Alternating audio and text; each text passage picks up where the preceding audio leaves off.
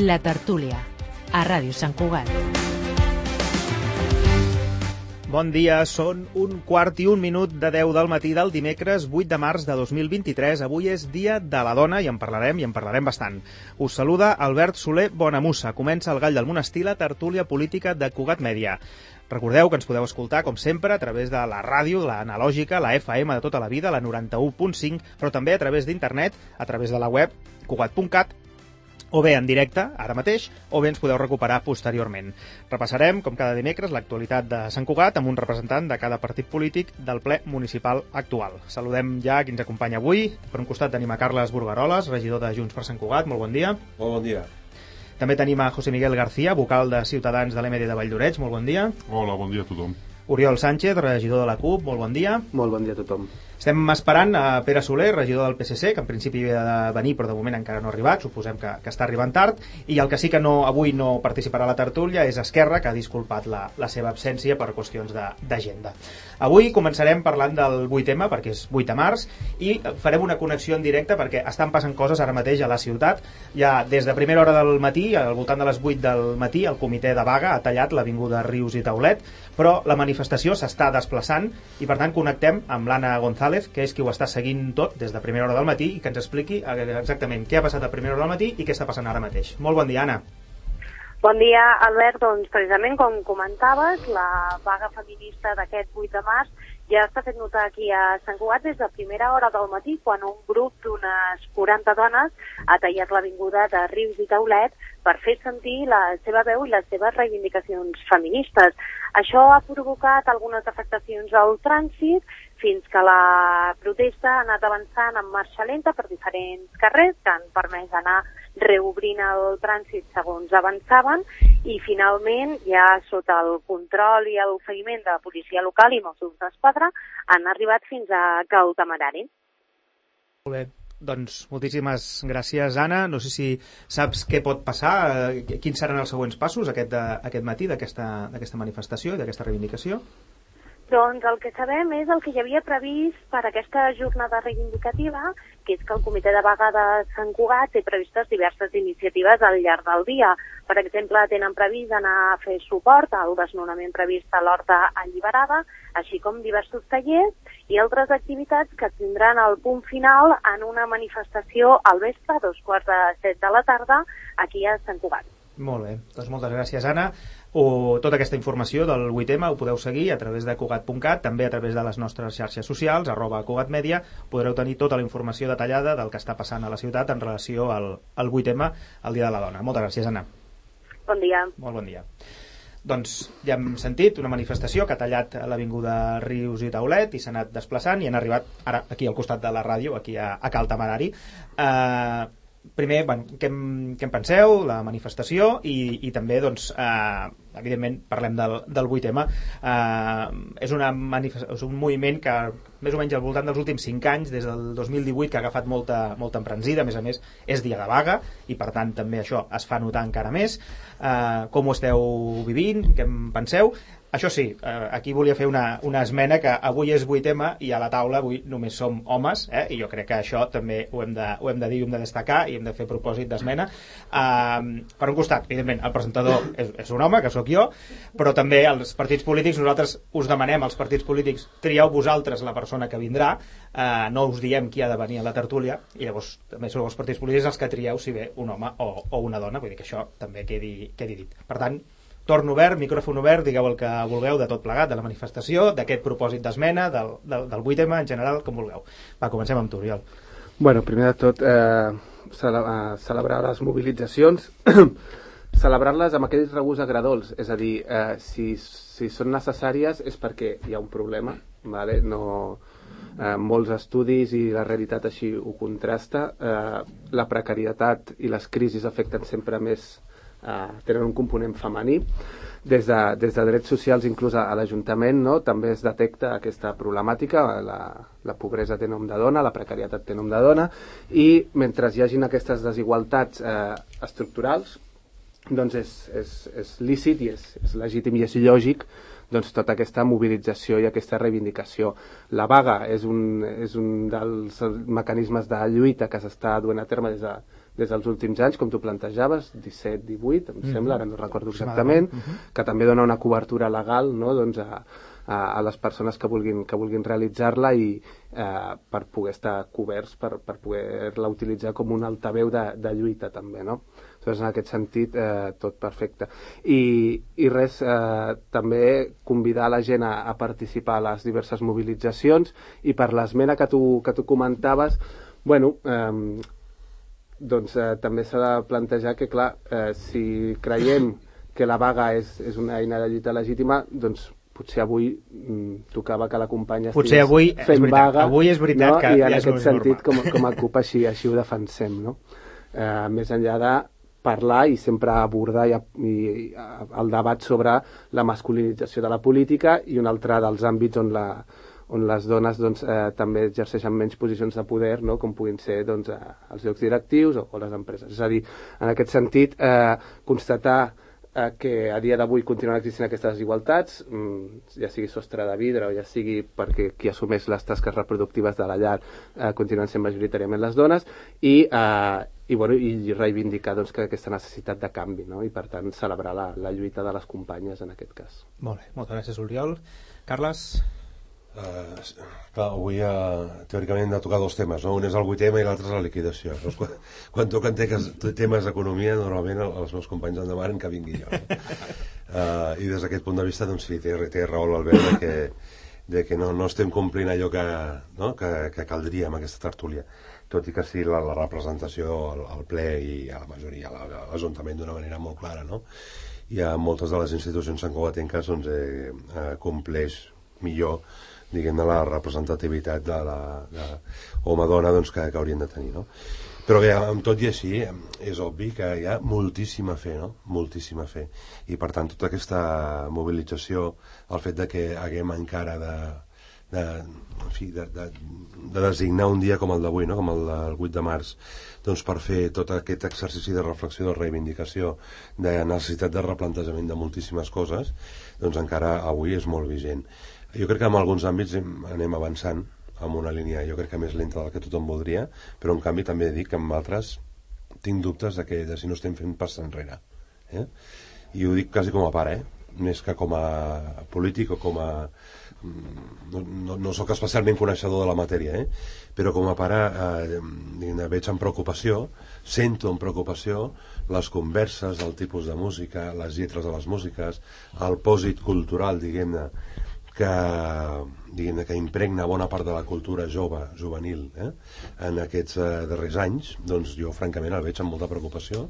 No és un tema local ni català, és un tema global i, i en fi, tinc, tinc la, la impressió de que en aquest àmbit hi ha, hi ha almenys alguns dels, eh, dels vectors amb els quals hauríem d'estar avançant que més aviat tinc la sensació que estem fent potser passes enrere no? i per tant eh, dies, diades com la d'avui són imprescindibles és, eh, és important diguem que la, la, que tota aquesta expressió de tot allò que hem d'avançar i seguir eh, canviant el pòsit cultural que ve de, en fi, de, de mil·lennis, no? que se podríem dir, doncs que ha de continuar evolucionant perquè encara estem molt lluny d'on hauríem d'estar i per tant eh, ens eh, afegim a la celebració d'aquesta diada i, i en fi, eh, allò que podem aportar diguem com a aportació doncs, política en aquest cas, doncs eh, sempre estarem a, a, amb la posició de fer-ho, eh? amb les iniciatives que vinguin dels governs o d'allà on sigui. Molt bé, moltes gràcies. Um, saludem breument al Pere, que acaba d'arribar, el Pere Soler, regidor del PSC. Molt bon dia. Molt bon dia a tothom. Donem la paraula a José Miguel i després parla, parla, el Pere. No, José Miguel. Bueno, yo quería poner en, lugar, en valor, en primer lugar, la importancia de la jornada de la jornada de hoy, una jornada que creo que tiene que tener un marcado carácter festivo y de reivindicación de la lucha por una igualdad efectiva entre las mujeres y los hombres. Quiero aprovechar también para, para animar a que haya una participación plural y abierta, que no excluya a nadie, ni que nadie pueda patrimonializar de la lucha por la igualdad. Sin duda queda, queda mucho por hacer, en, las en algunas cosas se está avanzando, se está avanzando bien, pero no podemos darnos por satisfecho, porque bueno, como decía aquí el compañero Carlas, bueno, pues en algunas cosas obviamente y de forma clara se avanza, en otras pues parece o, no se avanza tanto como se debiera avanzar. Por tanto, un mensaje de, de- seguir reivindicando, queda mucho por, por hacer, pero sobre todo que son las mujeres las que han de hablar y han de hablar por sí, por sí mismas. Hoy, ya, bueno, Albert ya lo ha comentado, una jornada de, de, reivindicación, de participación y precisamente pues aquí tenemos menos, menos mujeres de las que nos gustaría que, que hubiese y por tanto son ellas, son ellas, hay que, hay que darles la voz, son las que han de hablar lejos de, paternalismos, no hemos de ser nosotros los que hablemos por, por ellas, ni mucho menos, ni de tutelas que más que ayudar hacen todo lo contrario por esta, por esta causa, una causa que no obstante sí que nos implica a todos. Por tanto, eh, animarlas a participar en esta jornada, una jornada eh, claramente reivindicativa y donde hay mucho que todavía avanzar. Molt moltes gràcies. I Pere, al principi hem fet una connexió amb, eh, amb l'Anna González, que estava al carrer seguint la manifestació del comitè de vaga, que ha tallat Rius, Rius i Taulet una estona a les 8 de, del matí, i, i després hem explicat primer hem fet propòsit d'esmena, perquè en aquesta taula avui tots som homes, val? Ho he sentit, I... ho he sentit. Va, perfecte. Doncs si ho has sentit, eh, digues, la, digues la teva. No, primer de tot, disculpeu, disculpeu el retard, perquè precisament vinc de, de l'obertura d'una taula rodona a l'Institut Leonardo da Vinci en què hi han assistit diverses dones en les seves diferents vessants des de l'àmbit de la salut, des de l'àmbit també de, de l'artístic, eh, de la professionalitat, per tant una taula rodona bueno, molt participada i en el qual doncs, hi, han, hi han assistit i estan assistint alumnes eh, de, de segon i de tercer d'ESO, de, en aquest cas, i de professorat. Per tant, disculpeu, però jo crec que s'ho valia la pena.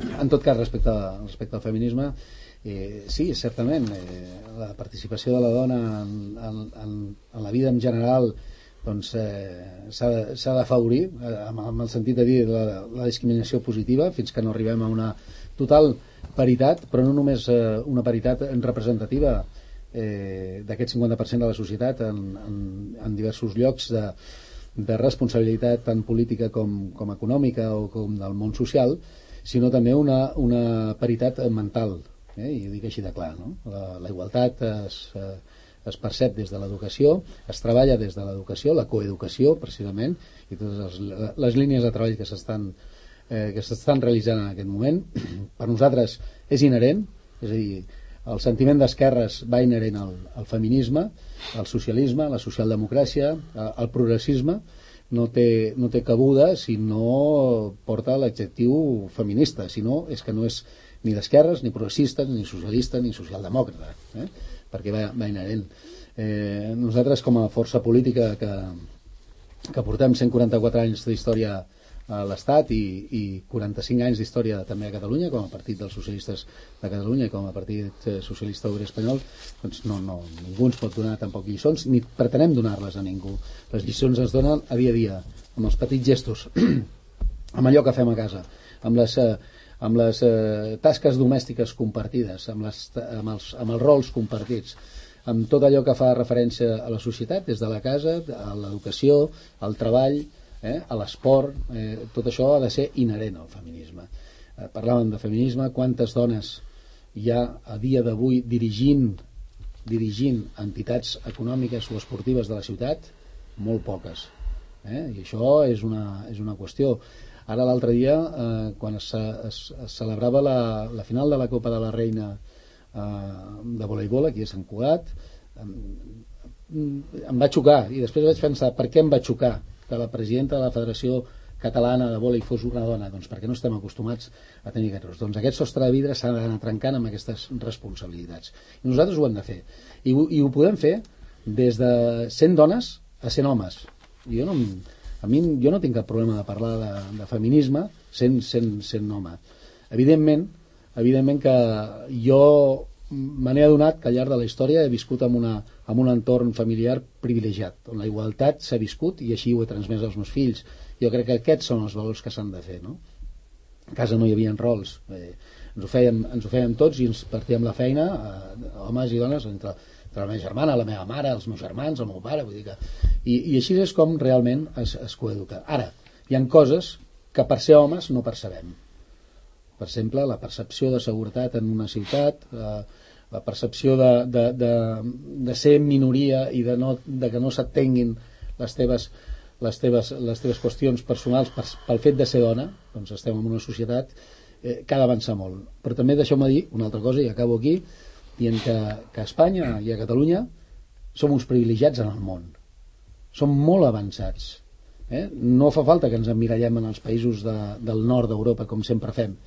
Tenim les polítiques socials i les polítiques de drets i d'igualtat més avançades del planeta. I això ens ho hem de dir. No fa falta no, que, que mirem a fora. Ho podem fer. Que hem de treballar més? Sens dubte.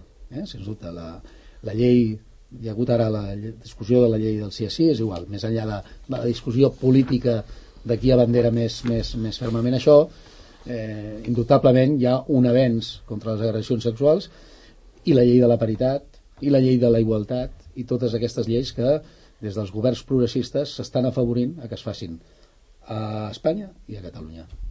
Molt bé, moltes gràcies, Pere. Algú vol afegir alguna cosa de més? Bueno, jo, crec que efectivament les forces progressistes moltes vegades han fet de punta de llança, eh? però jo diria que, diguem, que estem davant una, un moviment que és avui, ja fa molt de temps, absolutament transversal i, i reto amb el qual està tothom compromès, diria, excepte alguna força d'extrema dreta i algunes altres que, en fi, que tenen una mirada diferent, no?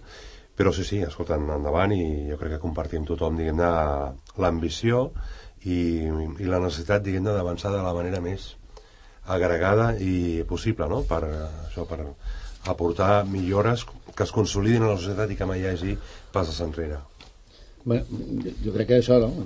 aquesta, uh -huh. aquesta aquesta punta de llança que deia el Carles doncs serveix perquè hi hagin altres col·lectius feministes o femenins de, eh, doncs, doncs, també s'empoderin i facin seva aquesta reivindicació evidentment, el feminisme és un moviment obert i per tant eh, eh, aquesta amplitud de la societat és el que ens farà créixer tots i ens farà més igualitaris mm -hmm.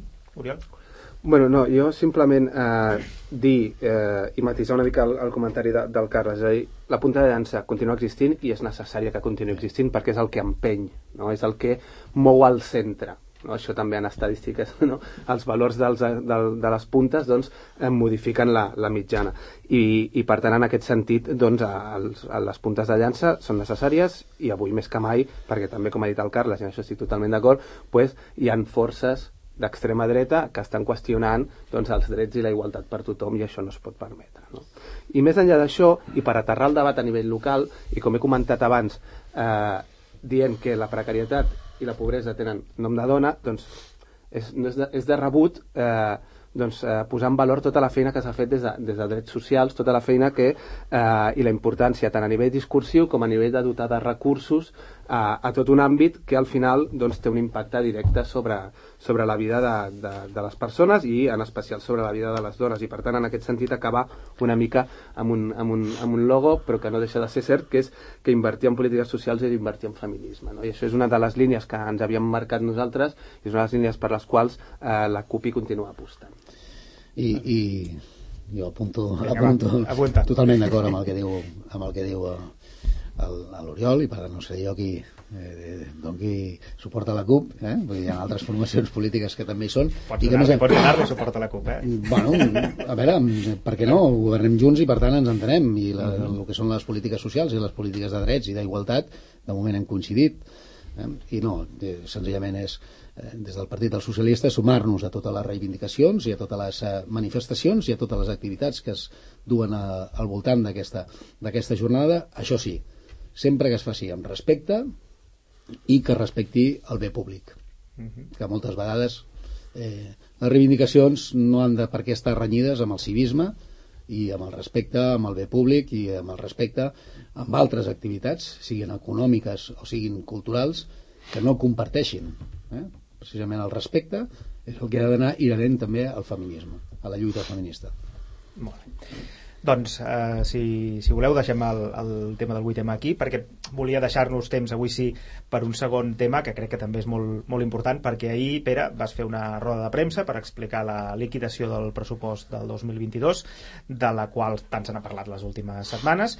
Vas insistir que no hi ha cap forat en els comptes de l'Ajuntament i que el desequilibri pressupostari, com va explicar la setmana passada aquí, aquí mateix, en aquesta tertúlia al Rosent, és només de 3,6 milions eh, d'euros, que s'aixugarà amb els 15 milions de romanent, però també eh, s'aixugarà, diríem, amb, vas anunciar un pla de contenció de 7,7 milions eh, per aquest 2023 per reequilibrar les finances municipals. Et volia preguntar, per on passa aquest pla? sí, com dieu i reitereu eh, i assegureu que el ciutadà no notarà eh, cap retallada de cap tipus. Llavors, d'on sortiran aquests 7,7 milions eh, si, si no ho ha de notar la, la ciutadania?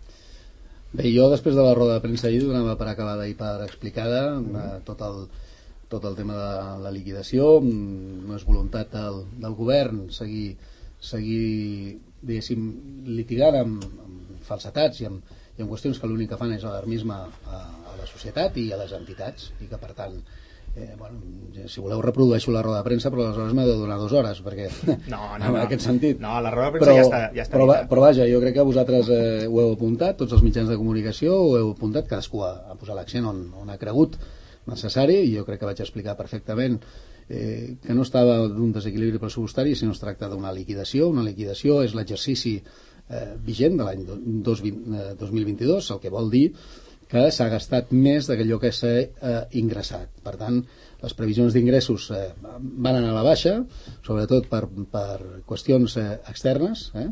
el menys cobrament de no menys cobrament sinó la liquidació final que queda de les plusvàlues amb un desequilibri d'11 milions d'euros tot el que afecta la guerra d'Ucrània amb la pujada, amb la pujada de, dels carburants doncs afecta directament sobre, sobre el, el cost de, dels proveïdors eh, la guerra la guerra també ens ha provocat eh, una pujada dels tipus d'interès i el qual vol dir que els interessos han d'augmentar.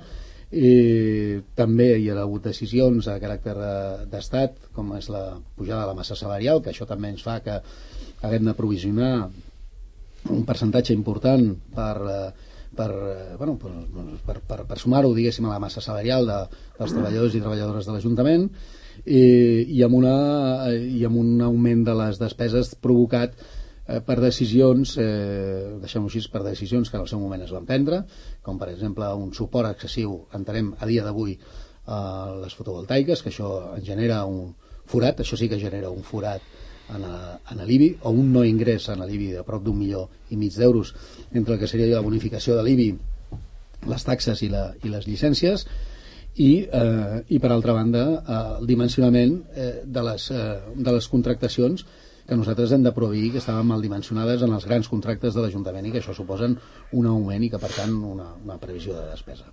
A partir d'aquí se'ls ha demanat a cada una de les àrees una contenció, una contenció econòmica en la qual eh, les àrees mateixes àrees ja han dit que bueno, s'han pronunciat i que per tant eh, nosaltres hem fet l'anàlisi que cap dels serveis que s'està prestant actualment eh, patirà, patirà conseqüències perquè tenim eh, bueno, doncs perquè aquestes magnituds es poden, es poden reequilibrar amb modificacions de crèdits i altres ingressos i hem posat un pla d'això mm, que li anem un, un pla de mesures eh, per a la racionalització de, la, de les despeses i la millora dels ingressos, en el qual hi ha un seguit de qüestions que per nosaltres són capdals, que entre, diguéssim, el que seria la contenció de la despesa per una banda i eh, a l'augment del que podrien ser eh, els ingressos o minva de les despeses en aquest pla de, en aquest pla de millores doncs faran que tinguem un, un, reequilibrament, un reequilibri important pels exercicis 23 i, i 24 i evidentment estem treballant per un pressupost del 24 en el qual doncs, hi hagi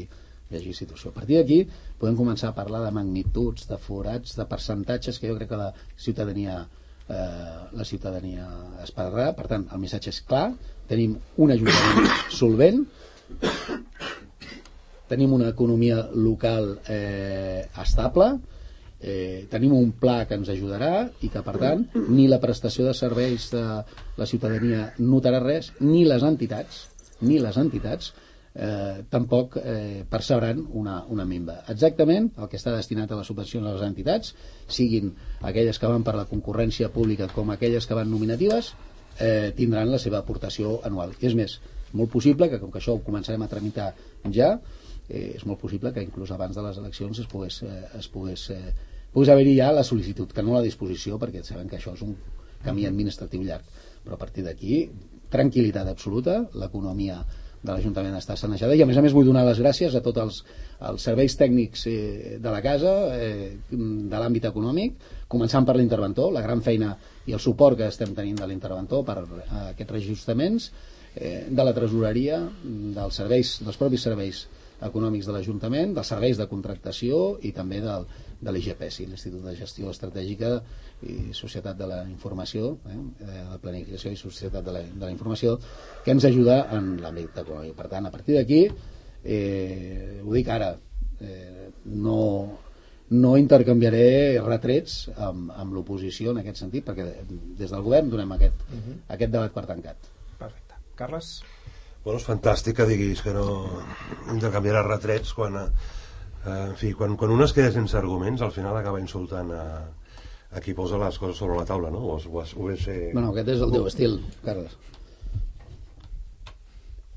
Eh, aviam, quan ahir en roda de premsa, per exemple, quan no hi havia ningú de nosaltres, eh, vas dir, escolta, no penso entrar en discussions i tal, això ho recull la, la notícia de Cugat, no?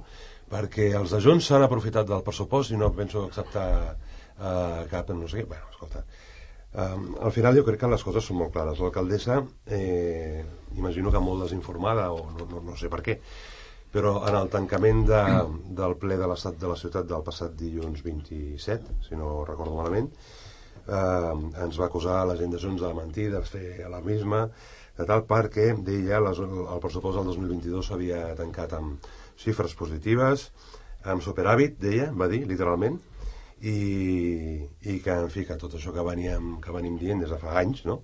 que anàvem per un rumb que, sens dubte, ens portaria al col·lapse, que és on, on som, doncs eh, que tot això que era una falsedat i que havíem de protegir la institució. Aquí no hi havia dret a rèplica, eh, encara no teníem apenes informació, la informació cau en comptagotes, avui tenim comissió informativa, bona part de l'expedient encara no està publicat, o almenys ahir la tarda encara no hi era, és una cosa al·lucinant, és increïble. Ahir mateix es convoca una roda de premsa amb una, tota una informació de la qual l'oposició encara no sabem res. Mm, al·lucinant. Es parla d'un pla, d'un pla important que es vol plantejar mm, ara, ara, just ara, quan el venim demanant tot el mandat, ara que queden dos mesos i mig per les eleccions. És, és al·lucinant. Es parla d'un desequilibri de 3,6 milions d'euros, que això és l'estalvi negatiu, quan la, el propi decret d'alcaldia, signat per l'alcaldessa, deixa ben clar que hi ha un dèficit en 2022 de 6,7 milions d'euros és que ho diuen allà, dèficit, eh, 6,7 milions d'euros.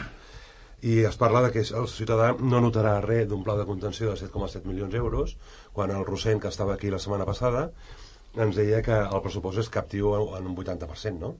Llavors, respecte d'aquest 20%, que aquests 7,7 milions d'euros, en sèrio, no es notarà res. Bueno, jo crec que estic fent arqueologia eh, per, diguem, de la història econòmica de l'Ajuntament per veure si trobo algun exercici que tingui pitjors dades que aquest eh? I, i no el trobo, de moment no el trobo.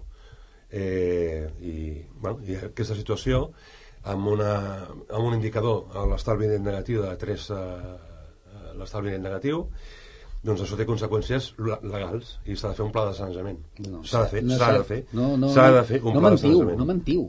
No mentiu, la regla de la despesa està suspesa Mira, Eh, ja, ja m'estic és que falta- no- m'estic això- dient que no entraria bueno, no entraré s'ha de fer un pla de sanejament no entraré, però que implica, implica que s'ha de... Bueno, jo, no menteixo, Pere. Eh? no és cert, O sigui, que vau no mentir és sou vosaltres dient no que hi havia és cert que s'hagi de fer un pla de, un pla de... Pere, mira, qui porta tot el mandat man, mentint sobre aquesta qüestió sou vosaltres. Sí, sí, eh? sí, sí. Uh, diguem, sí. Hi ha un forat, hi ha un forat que, que s'ha anat cobrint amb incorporació de romanents fins que ha arribat un moment en què ja no ha estat ni capaços de presentar una proposta de pressupost per 2023. És una pregunta que ja he llançat no sé quantes vegades. Potser algú ens explicarà alguna vegada per què un govern que té majoria absoluta ha estat incapaç de presentar un pressupost per aquest 2023 que no sigui la que jo vinc dient des de... No és una qüestió de discrepàncies, no és una qüestió... És, L'únic és que els ingressos estructurals de l'Ajuntament no donen per cobrir les despeses d'aquest Ajuntament i sense la incorporació de romanents i que, per tant, com que el pressupost no els incorpora, eh, faria explícites unes retallades que no he volgut posar sobre la taula eh, just abans de les eleccions.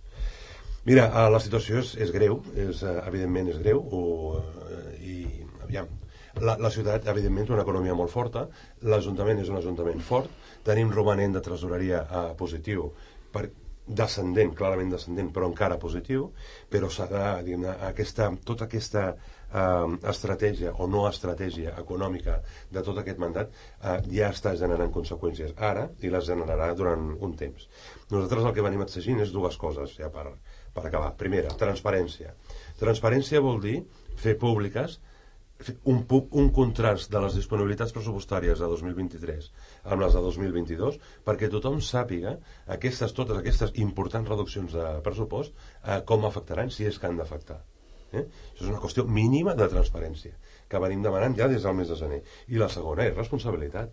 És responsabilitat. Tota aquesta situació és evitable. El tema de les plusvàlues era conegut. Que hi havia inflació i que per tant hi hauria increment de nòmines i tipus d'interès, se sabia perfectament. No. A les al·legacions de Junts per Sant Cugat està perfectament eh, a les eleccions, a l'aprovació del pressupost del 22, eh? Està allà tot recollit, que hi hauria tota aquesta problemàtica i el vostre govern, la teva àrea, en concret, Pere, va fer cas omís del tot. Fins i tot, eh, ara aquest eh, mes de gener, ha sortit en un parell d'ocasions, en aquesta mateixa tertúlia, que no, és que els, els, eh, els serveis tècnics de l'Ajuntament ja ens parlaven que recaptaríem 11 milions en plusvalors. Però tot i així vau pressupostar més de 16 milions per quadrar el pressupost de cap manera, d'igual manera. És que això fins i tot ho vau posar per escrit amb, una, amb la moció vostra on demanàveu, imploràveu una vegada més ajuda a l'Estat per cobrir el forat que deixa la, aquesta mala gestió eh, escolta, les coses són com són, esteu ja rectificant declaracions molt fortes i molt contundents que havíeu fet, doncs eh, bueno, seguirem en la línia perquè a mesura que es vagi publicant la, la informació de l'expedient, doncs anirà sim simplement eh, emergint amb tota visibilitat doncs, quina és la situació real. Gràcies, Carles. José Miguel. Bueno, nosotros eh, no tenemos una cifra exacta del desfase financiero y este ya es una, un, un, primer síntoma de esta, de esta falta de transparencia que existe en el ayuntamiento puesto que el equipo de gobierno tripartito se ha dedicado a ocultarnos datos, datos concretos de la gestión económica que afectan a todos los ciudadanos. Han incumplido su deber de transparencia para que la ciudadanía pueda saber qué y cómo emplean sus impuestos. Que a estas alturas del ejercicio no sepamos cuál es la situación financiera exacta del ayuntamiento, pues bueno, es muestra de esta, de esta falta de transparencia. Y el que no se hayan presentado, ya ha dicho el señor Brugarola, siquiera unos presupuestos para el 2023, que es año electoral, teniendo mayoría suficiente para poderlos aprobar si en la oposición, pues bueno, resulta, resulta cuanto menos sospechosos. Y estas sospechas van en la dirección de que hay un importante problema de solvencia por parte del ayuntamiento. Problemas de solvencia derivados de una importante reducción de ingresos y el mantenimiento sin incremento de importantes de gastos e inversiones que han acabado convirtiéndose en gastos corrientes y es de muy mal administrador cubrir gastos corrientes con los ahorros generados durante años anteriores. Por eso seguimos pensando que las finanzas tienen, del Ayuntamiento de San Cuba tienen un grave problema. Y problema que no podemos simplemente atribuir a causas eh, externas. Estos son excusas de mal pagador que ya las conocemos. Que si el anterior equipo de gobierno, que si el COVID, que si la guerra de Ucrania, que si la oposición desleal. Esto, que si somos son excusas. Son que, excusas. Hombre, claramente son, son la guerra de Ucrania es una excusa. Hombre, la pandemia es una excusa. Joder, claro, ustedes perdón. son los que gobiernan y, y, y, tienen las herramientas. Que si la oposición es desleal, que si somos alarmistas, bla, bla, bla. Todo esto ya lo, ya lo han dicho, ya lo han argumentado y ya, ya lo conocemos. Este problema eh, que nos enfrentamos se debe a una deficiente lectura de la situación económica durante el mandato y, sobre todo, a una mala ejecución y control ya lo, lo he comentado, señor pero vuelvo a insistir, el efecto que tenía la, el, el, impacto de la modificación del impuesto de la plusvalía era predecible y otros ayuntamientos, como, no sé. como predecible que era, no han sé. hecho ajustes y no se encuentran en estos problemas que tenemos que no ahora. Claro. ¿Por qué dios que no sé? Per què no sé? Però si, si consta a les al·legacions, és un tema que estava claríssim, que no, que no recaptaria claro, 16 milions. Claro, José Miguel, perdón, perdón. Y, y, o, o, cuanto menos eh, con un impacto mayor al que se haya podido contemplar en este, en este ejercicio. La inflación empezó a despuntar ya hace mucho tiempo, ya sabíamos el impacto o que iba a tener mucho impacto sobre el coste de los servicios.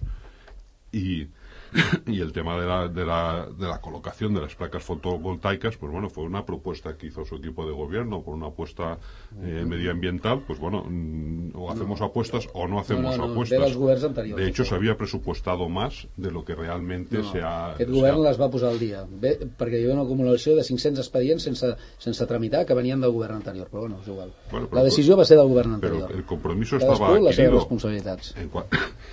en cualquier caso, la primera herramienta o la, más importante para corregir esas deficiencias es hacer un nuevo presupuesto y recoger de forma oportuna los cambios, modificaciones actualizaciones que hay. Claro, si no tenemos esta herramienta, todo lo demás pues son argumentos, eh, tiritas, eh, por llamarlo de alguna manera, que van a aplicar, que bueno, que en la rueda de prensa de ayer se expusieron, que luego si queréis entramos un poco más en detalle, porque a mí, más que tranquilizarme, pues me han dejado realmente asustado. Vale. Molt bé. No sé si tindrem massa temps després per seguir parlant, però uh, Oriol, et toca tu. Bé, jo en primer lloc voldria dir que no es pot parlar d'un col·lapse i d'un forat. són paraules Ja, ja que veuràs quan acabi l'any, ja veuràs. són paraules que, que, que són molt eh, ma- malinterpretables i que realment són molt eh, magnifiquen una cosa que sí que és veritat que hi ha hagut més ingrés, més despeses que ingressos, això és innegable, però és que un ajuntament no és una empresa que hagi de maximitzar res. Un ajuntament el que ha de fer és prestar serveis públics a la ciutadania i en moments de crisi reforçar-los. Pues això és just el que no podrà Eh? passar. No, aleshores, No podrà passar. en aquest sentit, el que, el que és important és veure en què s'han gastat els diners i veure en, en què s'han de continuar prioritzant. I per nosaltres està claríssim, o sigui, s'han gastat en ajuda a les persones i s'han de continuar prioritzant en aquest sentit. I aquí és on ens trobem nosaltres. I això és el que nosaltres hem vingut defensant sempre. Vale? Aleshores, eh, vull insistir en el fet de que eh, perquè un any o un exercici eh, no, no quadri en el sentit de que el pressupost no s'ha adaptat a la realitat per diverses causes, moltes de les quals sí que són conjunturals, i això és així, és una realitat, eh, no vol dir que sigui ni un col·lapse, ni un forat, ni, un catàstrofe, ni una catàstrofe, ni, ni un abisme. Vale? Jo crec que això és important. Llavors, que sí, que no és una situació desitjable i s'ha de corregir? Sí. Vale. Pues hi ha propostes i s'han d'anar treballant aquestes propostes al llarg de l'any. I celebrem també que una d'elles, valgui la redundància, eh, sigui el tema d'una empresa pública.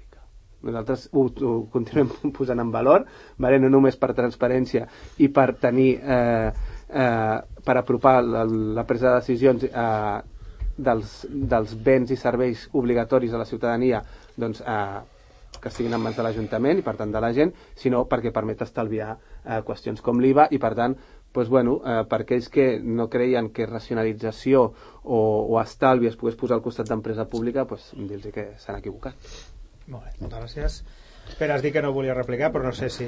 No, és que, és que davant, de, davant de la- aquesta continuïtat i d'estirar el xiclet, ja sé que estem en campanyes i que els candidats de, de les dues formacions que tenim aquí davant estan desapareguts davant del, davant del debat econòmic, perquè no, ni se'ls sent. Jo no sé si actualment el candidat de Junts és en, en Carles Borgaroles o, o alguna altra persona, o si eh, el, el, el, el company de Ciutadans que tenim aquí doncs, eh, és el candidat, perquè de l'àmbit econòmic l'únic que saben fer és, és, és destripar. No? Per, molt, per molt que diguin les propostes, en el seu moment que nosaltres les vam analitzar, les que ens van, ens van eh, entrar, eh, doncs eh, realment la seva, la seva capacitat per poder ser incorporades en l'àmbit pressupostari, en l'àmbit de les ordenances fiscals és molt, és a dir, eh, es presenten unes, unes modificacions de les ordenances fiscals que et diuen no, no, ja sabem que no les entrarem, però les entrem senzillament perquè així s'allarga el període d'exposició pública i us toquem una mica els nassos. Perquè realment el que és la incorporació la incorporació directa la, incorpora, la incorporació directa de mesures correctores en el tema de les ordenances fiscals eh, zero per part de Ciutadans i un 0,5% per part de, de Junts amb tota la, la bateria de propostes que, que van entrar. És al·lucinant. això en tot cas. Després clar eh, des del 2015 vull recordar que des del 2015 al, al 2021 2021 va haver-hi un promig d'ingressos de les plusvàlues eh, de més de 16 milions d'euros. Vull recordar que l'any 21 l'últim any que realment va haver una liquidació força positiva de les plusvàlues es va arribar a una recaptació dels 21 milions d'euros. 21 milions d'euros que és una de les xifres rècords dels últims 10 anys. Va haver un altre exercici el 2000, si no recordo malament el 2017 amb, amb 25 milions i em sembla que el 2014 amb 24 milions. Però és increïble, 21 milions d'euros.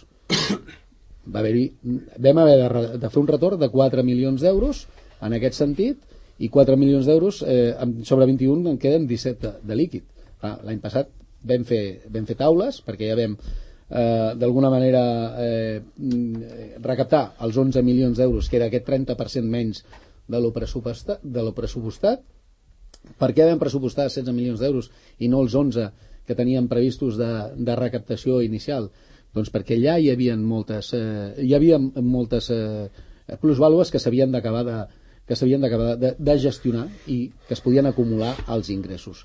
Eh? Resulta que aquestes, eh, aquesta informació que ens va passar a l'Oficina de Recaptació i Gestió Tributària de la Diputació de Barcelona, que és qui té, aquí li tenim delegada el seu cobrament, doncs eh, ens va dir que va, aquests, amb aquestes eh, diguéssim, expedients acumulats, eh, podríem recaptar i podríem igualar aquest 30%. Resulta que va ser al revés, va ser negatiu. I vam de, de tornar 6 milions d'euros. Bueno, a partir d'aquí se'ns poden dir moltes coses, però evidentment que els factors externs han ajudat a aquest desequilibri econòmic. A partir d'aquí, forat, cap, solvència absoluta, equilibri també, pla de contenció real, eficaç i previsible per poder eh, mantenir la prestació de serveis i sobretot el cobrament de les entitats. Que no vagin parlant amb les entitats que no cobraran, perquè és mentida. I, se, i sabem fer fent que eh, es passegen i eh, alarmant a les entitats i a la ciutadania dient Mira, són les que no entitats es les que cobraran. ens venen i ens diuen que no cobren. Eh? No cobren. Està molt bé xerrar i xerrar per no, deixar temps als altres. Jo crec que el, el missatge, com i s'ha no, i no pogut dir veure, res, és al revés. I no dir res més, a, a part de... A part de en fi, no... Aviam, jo vull dir tres coses. Primer, la primera per l'Oriol, que és, és clar que és important en què es gasta, però és igual d'important, o més, garantir que es podran seguir cobrint els serveis i les necessitats de la ciutadania que ha de prestar l'Ajuntament. I això és just el que no està passant en aquest moment. No és cert, ja hem Eh? dit, és que seguiria Eh? Just el que no està passant en aquest moment. La realitat és que la disponibilitat pressupostària del 23 és molt menor que la del, de la del 22, aquesta és la realitat, per molt que digui el Pere, i et recordo que aquí la setmana passada ja hi havia un representant del teu partit i hi havia un altre representant d'Esquerra Republicana defensant una posició que no han passat poques hores, pocs dies, i, i ja s'està corregint. Per tant, escolta, deixeu que acabi d'emergir la informació perquè se us està arrossegant Està a defensar unes eh? Posicions que no són polítics- correctes. No, que no que- són correctes. Carles, ni hi ha superàvit, ni hi ha superàvit, ni, Carles, ni el 2022 s'ha tancat els en positiu, decrets, els ni res de decrets, res. els Gràcies, decrets, Pere, gràcies, els Pere. decrets de liquidació estan fiscals. publicats i a disposició dels grups municipals. I prova d'això és que Gràcies, tu has interlocutat diverses vegades Sí. amb l'interventor per Sí. preguntar i per intentar buscar allò que... Allò que La informació eh? que tu no Sí, sí. dones, gràcies, Pere. No, la informació que està Les publicada. ordenances fiscals, eh, ara només faltaria, és a dir, és que el tràmit d'aprovació de les, dues, de, eh? de les dues, dues últimes ha sigut, et convoquen com si, eh, d'un dia per l'altre perquè s'acaba el termini. Eh? I tampoc, ara resulta que tampoc tenim dret a presentar al·legacions. És un exemple claríssim de la improvisació permanent d'aquest govern. Ara resulta que aquest Ajuntament està eh, fent un exercici, un esforç econòmic excessiu contra la lluita contra el canvi climàtic. I ara, com que el, per, gràcies a la, a la gestió econòmica, resulta que hem de reduir-lo. No, el seguirem fent, el seguirem fent. Uh, I, fent. per tant, el, aquest esforç econòmic Però de manera en- en suport progressiva, a la, a la de manera instal·lació de progressiva. fotovoltaiques, De que potser es pot progressiva. redistribuir i es pot replantejar. Redistribuir a qui menys té per treure a qui més té. eh? Molt bé. Uh, L'històric de recaptació per plusvàlua espera a la darrera crisi ja eren dades molt similars a les actuals. No sé. Clar, si mires des del 2015 al 2021, gran exercici de previsió econòmica, les dades són les que són, efectivament. És que és, que és increïble. deixem-ho estar els temes econòmics ja veiem que sempre porten debat eh, sobre la taula. Moltíssimes gràcies a tots quatre per venir fins a l'estudi de, de ràdio de Ràdio Sant Cugat. Acaba la tertúlia al Gall del Monestir. Els oients recordeu cada dimecres a un quart de deu del matí a la ràdio 91.5 de la FM i també a Cugat.cat al Gall del Monestir la tertúlia política de Cugat Mèdia. Molt bon dia a tothom i moltes gràcies. Molt bon dia. Molt bon dia i bon 8 de març.